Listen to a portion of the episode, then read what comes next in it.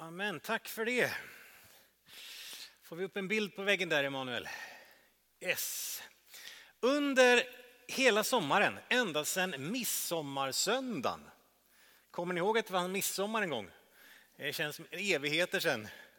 Det var på den tiden som solen sken. Så har vi haft den här rubriken för våra söndagar, Alltid i tid, där vi har talat om egentligen en stor Gud att Gud han har tillvaron i sin hand och därför kan han hålla ditt och mitt liv i sin hand. Han som håller alltid, han som har en tanke, en plan för hela tillvaron och han har en timing för våra liv. Och att lita på det och det som de sjöng i sången här, det är blott en dag, ett ögonblick i sänder så litar vi på honom. Och det finns så mycket koppling, vi håller på nu i vadå, åtta, är det nionde söndagen idag tror jag. Eh, vi hade kunnat hålla på flera veckor till utifrån det här temat, för det finns så mycket koppling mellan tiden och Guds handlande. För Gud handlar både i historien och Gud handlar med historien och genom historien.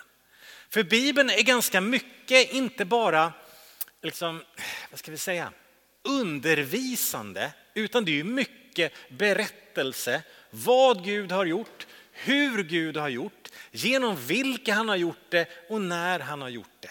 Så väldigt mycket av berättelse hur Gud handlar genom tiden. Om du läser din bibel så finns ju ett gäng, ska vi kalla sig hjältar, andliga människor som Gud använder, stora förebilder.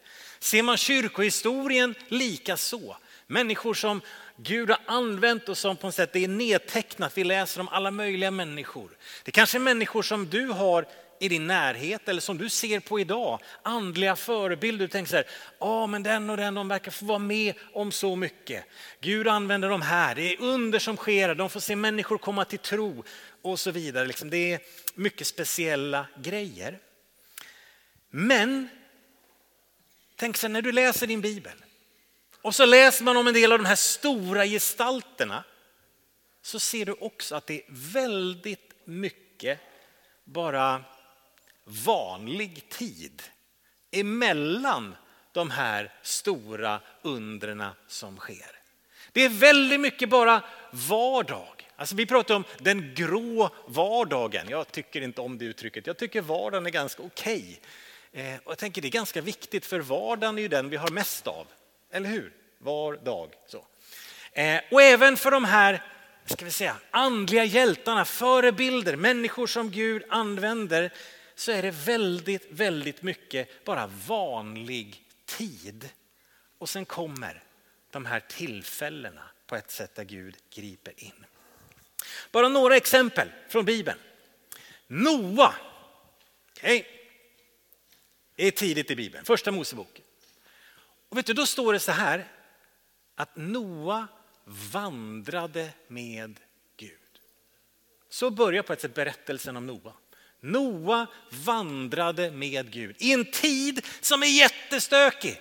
Det är ondska och elände och folk beter sig som, ja, och där står det att Noa vandrade med Gud i den tiden. Och det här är innan Gud liksom har talat med honom om vad som ska ske. Noa vandrar med Gud i en vardag omgiven av elände och mörker. Och där, efter ett tag, där talar Gud och säger Noa, ja vad är det? Bygg en båt. Och sen är det återigen väldigt många vanliga snickardagar.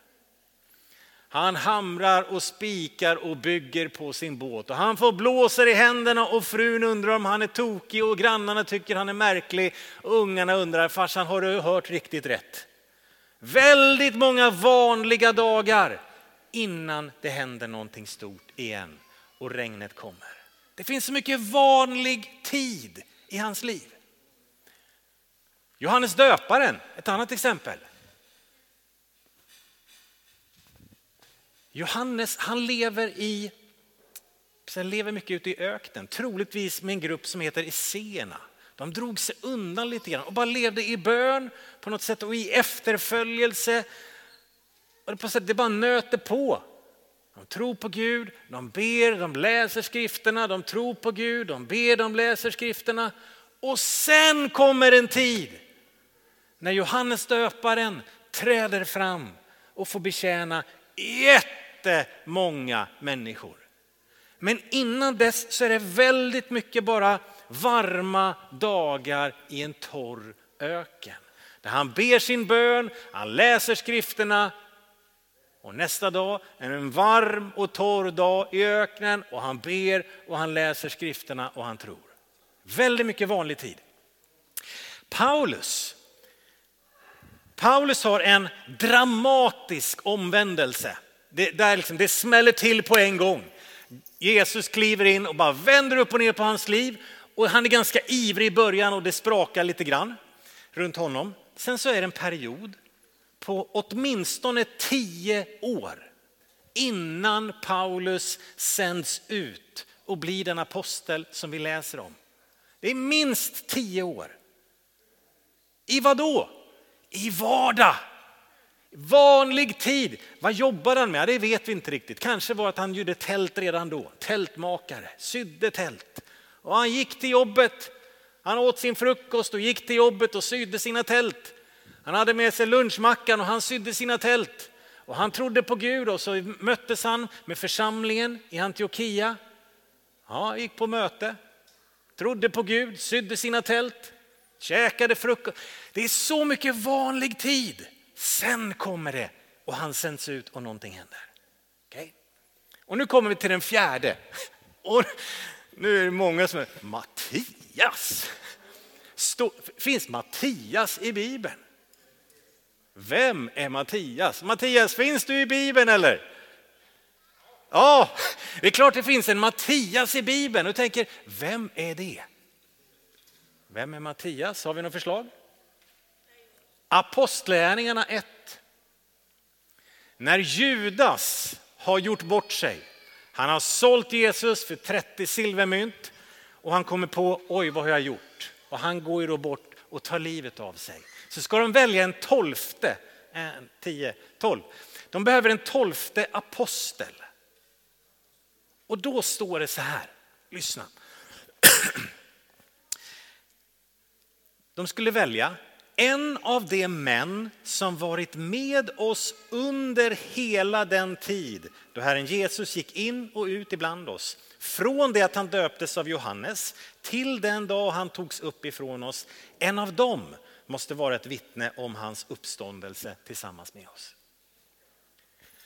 Mattias och tydligen fanns det flera eftersom man skulle välja en av dem. Han var med från första början när Jesus blev döpt av Johannes.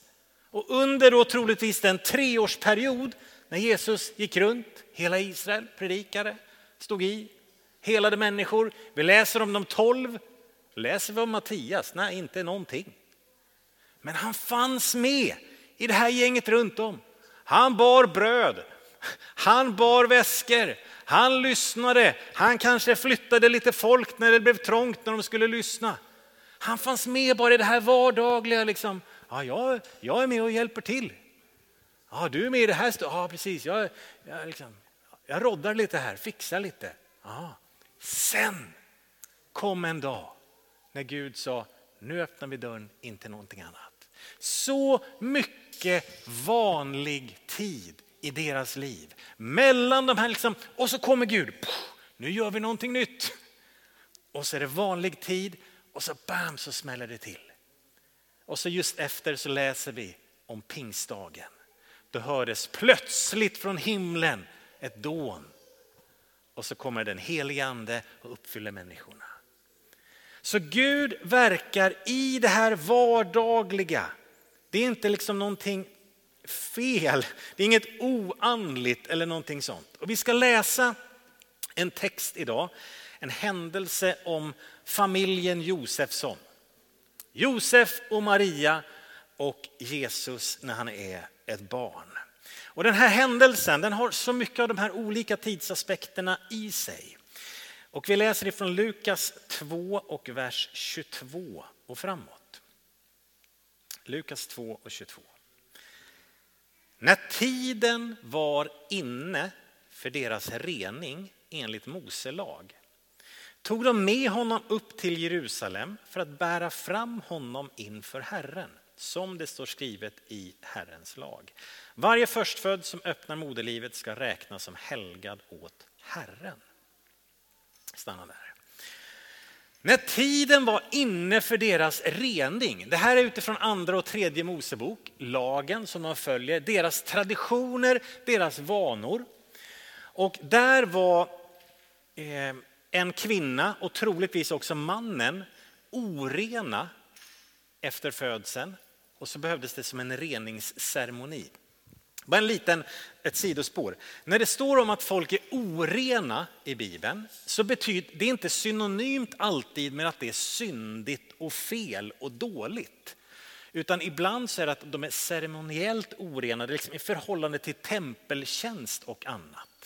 För man kan tänka så här om orenhet alltid är ont eller synd tänker man så här, men det var ju Gud som sa att vi skulle föda barn, liksom förök oss och uppfyll jorden och sen så är det helt plötsligt något fel med det. Nej, så är det ju inte.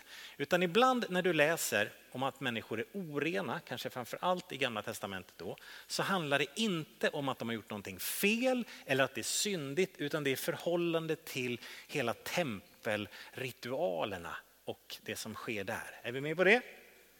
Bra. Även där bak? Härligt, härligt. Eh, så att de ska ha den här reningsritualen efter 40 dagar och det står också i lagen att varje förstfött skulle helgas åt Herren. Alltså det finns ju ingenting av Guds tilltal i det här. Josef upplever att ah, jag bara känner att vi ska gå och göra det här nu. Nej, utan ja, men det står så, vi gör så, så har vårt folk gjort alltid och alltid och vi följer det som är. Det här är vår tradition, våra liksom mönster. Vi gör det. Så att de går upp till templet för detta ändamål. Vi läser ju bara ett par kapitel senare, när Jesus har växt upp, han växer upp fortare i Lukas, eh, kapitel 4, så står det att Jesus gick till synagogan som han brukade. Så Jesus, han på något sätt, familjen, de lever i det här mönstret. Josef och Maria började livet så tillsammans och med Jesus. Vi följer mönstren, traditionerna, vanorna och Jesus växer upp med det och han fortsätter att göra detsamma. Det är sabbat, bra, då går vi till synagogan som han brukade. Han lever också i de här mönstren, i vanorna. Vi hade kunnat läsa om eh, Petrus och Johannes i Apostlagärningarna 3 just efter pingstdagen då, då har vi andefyllda lärjungar. De har upplevt något fantastiskt. Det är så stort och mäktigt och det är bara dunder och brak. Och så läser vi ändå att vid tiden för eftermiddagsbönen, bönen som man ber vid nionde timmen, då var de på väg upp till templet för bönen. Det var bara så här, ja, nu är det bönemöte, ja, då går vi dit som vi brukar. De följde sina vanor, sina ritualer, sina mönster om vi kallar det så och för, liksom, gick upp till templet för bönen. Och jag tänker så här, det här är ju en, det är en hyllning till det vanliga. En hyllning till den regelbundna, ospeciella efterföljelsen. Se inte ner på de goda mönstren och vanorna i din tro på Gud. Tänk inte att ah, det, det är bara liksom, ah, läser mitt liksom, och bara, det händer ingenting. Se inte ner på det här vanliga eh, jag ska säga, nötandet i en positiv bemärkelse. Det är bara liksom, de här mönstren. Ja, Jesus levde tydligen i ett mönster. Det kanske det duger för mig. Lärjungarna levde också i goda vanor och mönster. Det är liksom, läs ditt kapitel, be din bön, fira gudstjänst och tjäna där du står. Och nästa dag, vad gör du då? Läs ditt kapitel, be din bön, fira gudstjänst, kanske inte varje dag, tjäna där du står. Lev i ett, liksom, ett positivt mönster. Läs ditt kapitel, be din bön, fira gudstjänst och tjäna där du står. Är du med? det finns någonting gott i en sån rytm. Läs ditt kapitel, be din bön, fira gudstjänst och tjäna där du står. Det känner ni? Det finns nästan lite, är du med? Läs ditt kapitel, be din bön, fira gudstjänst och tjäna där du står. Jag har läst, ja det är med liksom. Det finns ett mönster här och vet du vad? Där finns Gud. Där finns Gud. Jag läser mitt kapitel den här morgonen. Var det jättespeciellt? Nej, men jag läser Guds ord. Jag bad en bön i bilen på väg ner. Var det jättespeciellt? Nej, men jag bad en bön till Gud. Vi firar gudstjänst. Var det en fantastisk gudstjänst? Nej, det var en vanlig gudstjänst. Underbart. Kom tillbaka nästa vecka får du en till vanlig gudstjänst. Och så tjänar vi där vi står. Gör gott för människor på olika sätt. Det finns någonting oerhört vackert, sunt och starkt i detta mönster. Där finns Gud. Gud är nära. Och här kommer knorren. Du vet inte när det är dags. Du vet inte när den här tiden kommer, när Gud har tänkt någonting annat. Du vet inte när Gud har tänkt att här ska vi ändra lite grann hos Jörgen. Nu ska han få smaka på någonting som han inte har smakat på på länge. Här ska vi öppna en dörr, här ska jag göra någonting. Här sker någonting nytt, någonting annat eller det bara smäller till lite grann. Gud har en timing. Gud har en plan för ditt och mitt liv. De här exemplen vi läste, visste de vad som skulle ske? Nej, utan de levde. I vad då? Läs ditt kapitel, be din bön, fira gudstjänst och tjäna där det står och så händer någonting en dag. När Gud klev in och sa, hallå, nu är det dags för någonting mer. Vi läser vidare i den här texten från vers 25. Nu är de i templet i Jerusalem. Så står det, I Jerusalem fanns en man som hette Simeon. Han var rättfärdig och gudfruktig och väntade på Israels tröst. Och den helige ande var över honom. Av den helige ande hade han fått en uppenbarelse att han inte skulle se döden för han hade sett Herrens smorde. Och ledd av anden kom han till templet. Och när föräldrarna bar in barnet Jesus för att göra med honom som man brukade enligt lagen tog han honom i sina armar och prisade Gud och sa Herre, nu låter du din tjänare gå hem i frid som du har lovat. För mina ögon har sett din frälsning som du har berett inför alla folk. Ett ljus med uppenbarelse för hedningarna och härlighet för ditt folk Israel. Vi vet inte så mycket om denne Simeon. Vi vet inte så mycket mer än det som står här. En gudfruktig man. Du kan gå tillbaka till tidigare bilden här. Rättfärdig och gudfruktig. Sen så hade Gud talat med honom om att Simon, vet du, det finns någonting. Innan du slutar ditt liv så har jag ett löfte. Du kommer få vara med om någonting. Han visste inte riktigt när det skulle ske. Visste han vad han tittade efter? Det vet jag inte. Och det står just det, han väntade på Israels tröst, rad tre där. Det kan översättas med han tittade efter. Alltså det finns en, det finns en vakenhet. Det är som att Simeon, han lever gudfruktigt och rättfärdigt. Han tror på sin Gud uppriktigt. Och så lever han med en vakenhet. Gud, vad gör du för något? Händer det någonting? Det finns någon slags ändå förväntan i tron. Och så står det att ledd av anden, vers 27 där, kom han till templet. Det är ett uttryck som vi läser om, som vi ser i Bibeln emellanåt. Och du kanske har hört människor säga det, du kanske säger det själv ibland, jag har sagt det. Eh, och tänk så här, åh det måste vara så speciellt. Ah, vet du, min erfarenhet så är det inte så speciellt. För man är ganska osäker på om det är den helige ande. Och jag tänker mig att den här dagen, nu, nu målar jag lite mellan raderna. Simon är på väg ut. Frun säger Simon, plockar du upp två skors och en gurka från marknaden? Ja, ja, men, ja fast jag blir lite sen. Jag, jag, vet, jag, jag känner att jag ska till templet idag. Men du var ju där igår. Ja, men jag, jag känner att jag ska till templet idag. Varför det? Ja, jag bara ja, men jag ska gå dit. Det kanske inte var mer än så, någon slags aning, en tanke. Så.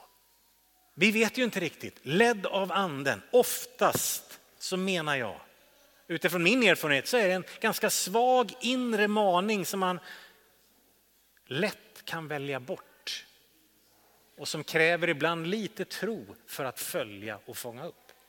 Det är inte mer speciellt än så många gånger. Men när han kommer dit, då ser han direkt. När den här unga familjen kommer in, han bara, japp, här händer det. Här är det. Eh, så det finns en vakenhet i hans inre och han bär en förståelse, kan ta nästa bild, där eh, Emanuel. Eh, vers 31. Som du har berett inför alla folk, alltså som du Gud har förberett, som du har tänkt. Det fanns någonting hos Simon, en förståelse av en stor Gud som har tänkt. Och han hade ju fått ana att du kommer få se någonting Simon av vad jag har tänkt för mitt folk. Så förståelsen av att Gud har en stor tanke, en Gud plan. Så här har vi en man som i sin trogna vandring med Gud, i förtröstan på Gud, lever där och får vara med om det här tillfället, höjdpunkten i sitt liv. Det är lite så en bucket list att pricka av. Jag har det här på min lista för jag tror att Gud har lovat mig det här.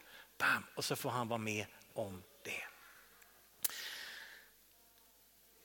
De här exemplen med Jesus i synagogan som jag hade. Han gick till synagogan som han brukade. Och så står det i det kapitlet i Lukas 4 att just den här dagen så antingen om man ger Jesus den här bokrullen eller om man letar reda på bibelstället själv så läser han en text från Jesaja 61. Så den här vanliga söndagen, fel, lördagen i synagogan, Jesus reser sig och så läser han Herrens ande är över mig. Det han har smort med att predika ett glädjens budskap för de fattiga, syn för de blinda, frihet för de fångna och predika ett nådens år från Herren. Och idag säger han, har detta skriftställe gått i uppfyllelse inför er som lyssnar. Och det blir någon slags profetisk laddning i lokalen. I den vanliga lokalen där man brukade samlas för att fira sabbaten. Men den här söndagen så händer någonting. Eller lärjungarna som gick upp till templet i Apostlagärningarna 3. Vid tiden för bönen som man ber den nionde timmen. De följer, liksom, de ber ju på klockan. Hur gudomligt är det? De var inga pingstvänner för vi ber när vi bara känner för det, eller hur? Nej, vi ska inte bli lagiska. Nej, vi måste... Ja, säg det till Petrus och Johannes. De bad efter klockan, nu är det dags att be. De går upp till templet och den dagen de går in genom sköna porten och där ligger en lam man. Troligtvis har han legat där många, många gånger. Men just idag, vid det här tillfället, så väcker Gud någonting i Petrus. Och Petrus vänder sig till honom och säger, silver och guld har jag inte, men vad jag har det ger jag dig. Res dig upp och gå i Jesu namn och undret sker. När de ber efter klockan, kära vänner, de ber liksom, ja, nu är det dags. Vårt mönster, vår rutin, våra vanor. Och så finns Gud där och så gör han någonting speciellt den här gången. Mitt i det vanliga finns Gud och ibland blir det någonting ovanligt mitt där i. Så vet du vad? Läs ditt kapitel, be din bön, fira gudstjänst och tjäna där du står. Lev i det vanliga, där finns Gud. Vi läser vidare i texten några rader från vers 36. Där fanns också en profetissa, Hanna, Fanuels dotter av Asers stam. Hon hade kommit upp i hög ålder.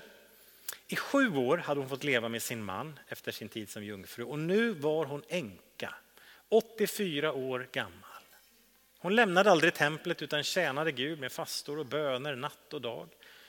Just i den stunden kom hon fram och prisade Gud och talade om honom för alla som väntade på Jerusalems frälsning.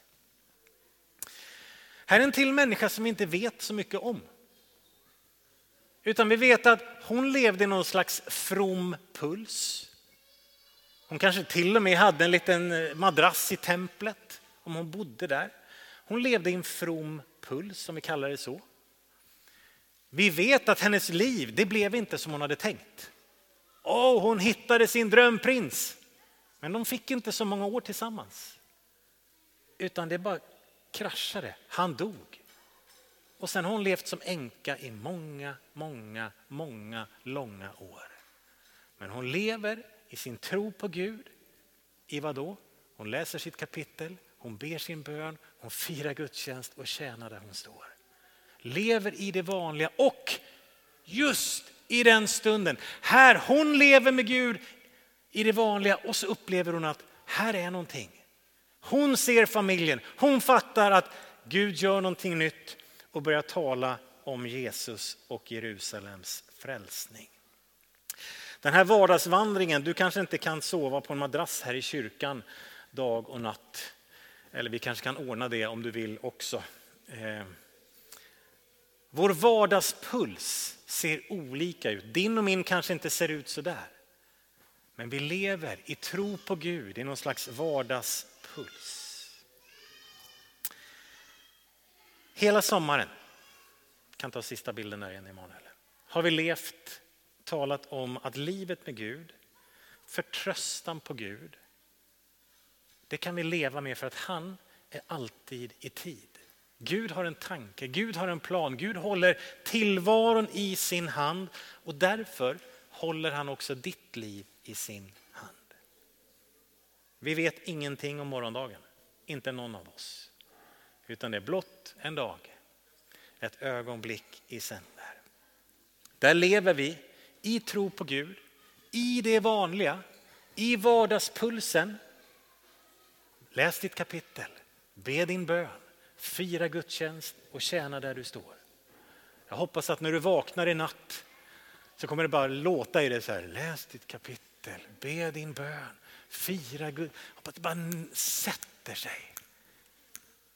Varför? För det är en del, alltså vi lever i, en vard, i det vardagliga. Var dag med Gud. Han vandrade med Gud och sen hände det ovanliga.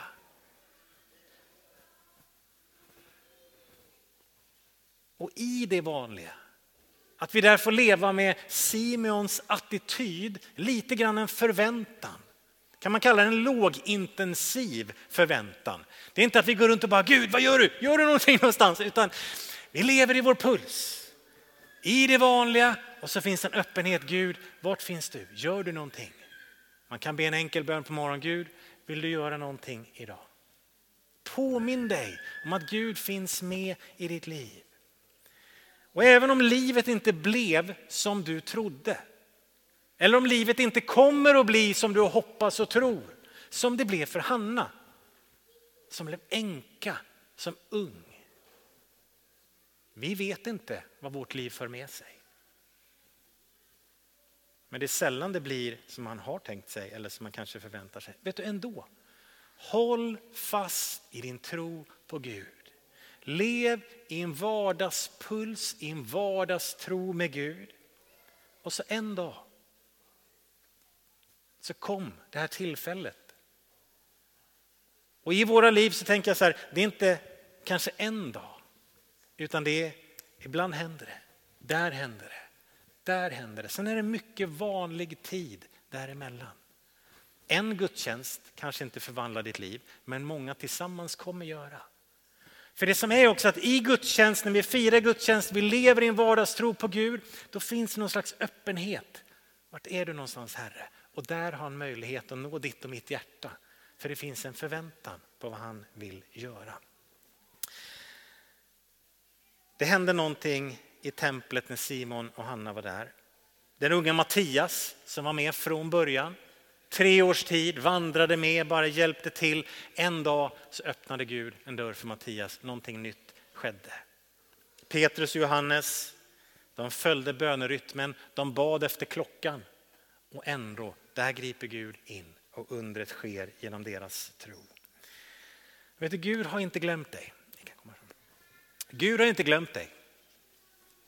Du är inte struken från listan det är lite jobbigt när man är i sammanhang man tror att man har anmält sig. Och så står de med en lista. Bara, Nej, du, vi hittar ingen Jörgen på den här listan. Får jag komma in ändå? Har ni någon smörgås åt mig ändå? Vet du, du finns med på Guds lista. Han kommer aldrig, du kommer aldrig upptäcka att Va? han har glömt mig. Nej, jag var nog inte tillräckligt andlig ändå. Utan du finns med på Guds lista. Han ser ditt liv. Han ser ditt liv. Och när du läser ditt kapitel är han där. När du ber din bön så är han där. När du firar gudstjänst så är han där. När du tjänar, ibland är det tysta, ibland är det fördolda. Ingen annan ser, nej, en ser, Gud ser. Du, lita på Herren, tro på honom, lev i det vardagliga, i tron på Gud. Och sen är Gud alltid i tid. Och det han har tänkt för dig, som vi sjöng här förut, det kommer han leda dig in i. Lita på honom, kära vän. Ska vi stå upp tillsammans och be?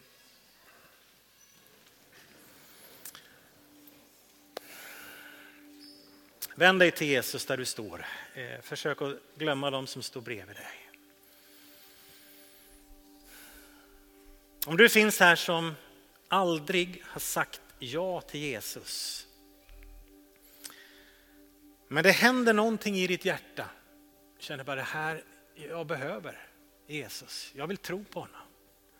Då ber du en enkel bön där du står, där du säger Jesus kom in i mitt liv. Jag behöver dig. Jag förstår att jag behöver vandra mitt liv tillsammans med dig. Be den bönen där du står.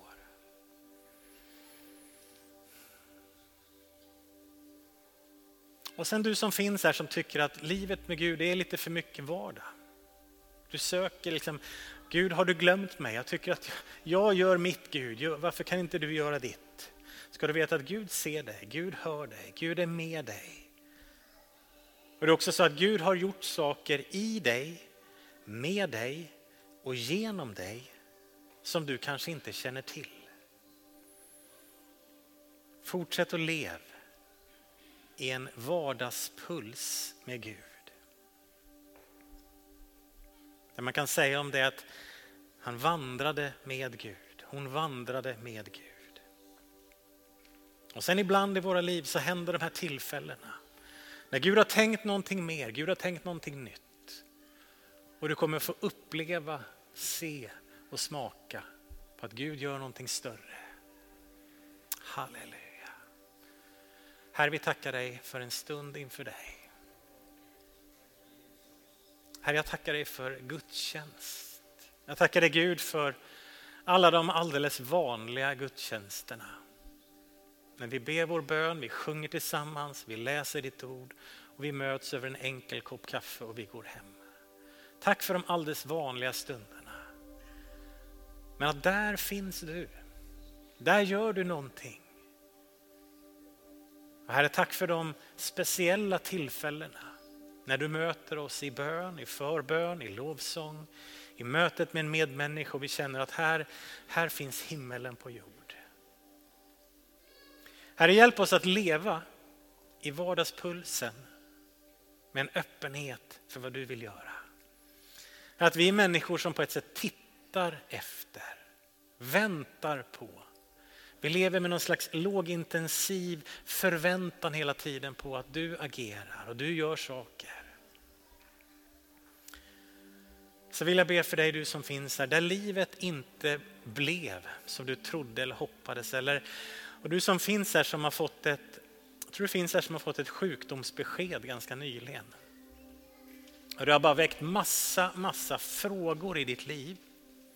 Skapat massa oro i ditt liv. Och jag tror att Jesus säger till dig idag, jag håller dig i min hand.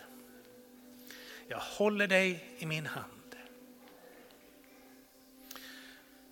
Det enda vi vet om morgondagen är att Jesus finns i vår morgondag. Så är det för oss alla. Och du som har fått det här beskedet, Herren är med dig. Han har inte glömt dig. Han håller ditt liv i sin hand. Hjälp oss Gud att förtrösta på dig. Dag efter dag efter dag. Att du i din godhet, i din storhet leder och bär hela vägen hem. Tack för dina välsignelser vi ber.